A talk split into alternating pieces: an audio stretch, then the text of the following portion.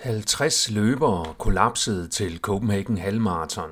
Hedebølge på 23 grader får skylden.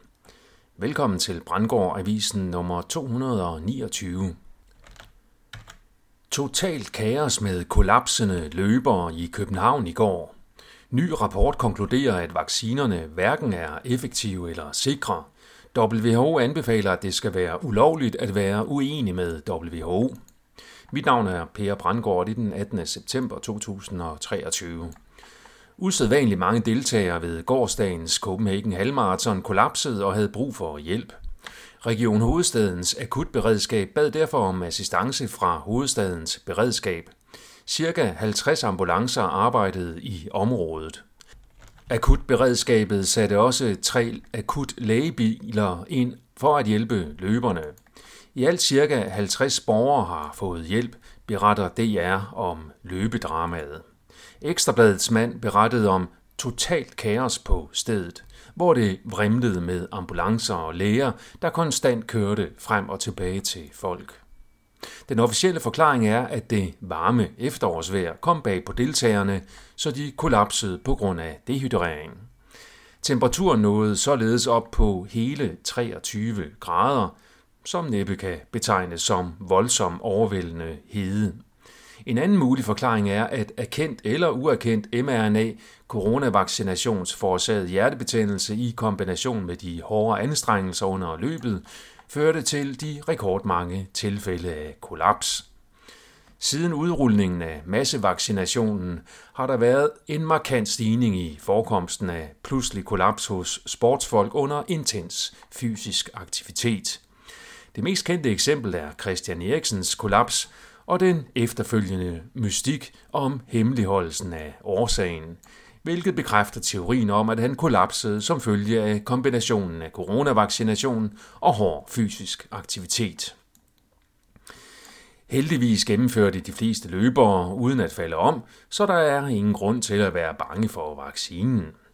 Det er det samme med russisk roulette, hvor man i den klassiske udgave lægger en patron i en seksløber, hvorefter man snor rundt og håber på det bedste i det spændende spil. I russisk roulette er der også en meget stor chance for at overleve, så der er ud fra den samme logik ingen grund til at afholde sig fra den aktivitet. Det er jo vigtigt at udfordre sine grænser og komme ud af komfortzonen. Man skal dog være opmærksom på, at besiddelse af en seksløber udløser to års fængsel i Danmark. Efter vaccination kan man så heldigvis være en almindelig, lovlig, pligtopfyldende dansk løber og få den samme form for spænding. En ny rapport fra National Citizens Inquiry i Canada har konkluderet, at coronavaccinerne hverken er effektive eller sikre. Rapporten understreger, at vaccinerne aldrig blev godkendt under de sædvanlige krav til lægemidler. Der blev i stedet anvendt en anden procedure, hvor hensyntagen til effekt og sikkerhed synes at være tilsidesat, beskriver rapporten. Godkendelsesproceduren for vaccinerne i Kanada bliver beskrevet som den mindst videnskabelige, man kan forestille sig. WHO, der for tiden igen presser på for flere coronavacciner, presser samtidig på for, at EU og nationale regeringer gør mere for at bekæmpe, hvad WHO betegner som misinformation om sundhed. Misinformation er til synlædende ifølge WHO et hvert budskab, der kritiserer et budskab fra WHO. Den dybere tendens er, at pengemagten prøver at købe sig til sandheden om sundhed. Pengemagten har i første omgang købt sig til kontrollen over WHO, og nu prøver de så at ulovliggøre enhver kritik af WHO og WHO's sundhedsbudskaber. WHO's finansiering er dog ikke en hemmelighed. En hver kan selv se, hvor deres finansiering kommer fra, og derudfra danne sin egen mening om, hvorvidt WHO skal betragtes som videnskabeligt funderet folkesundhedsekspert eller teknotyrannisk vaccinelobbyist.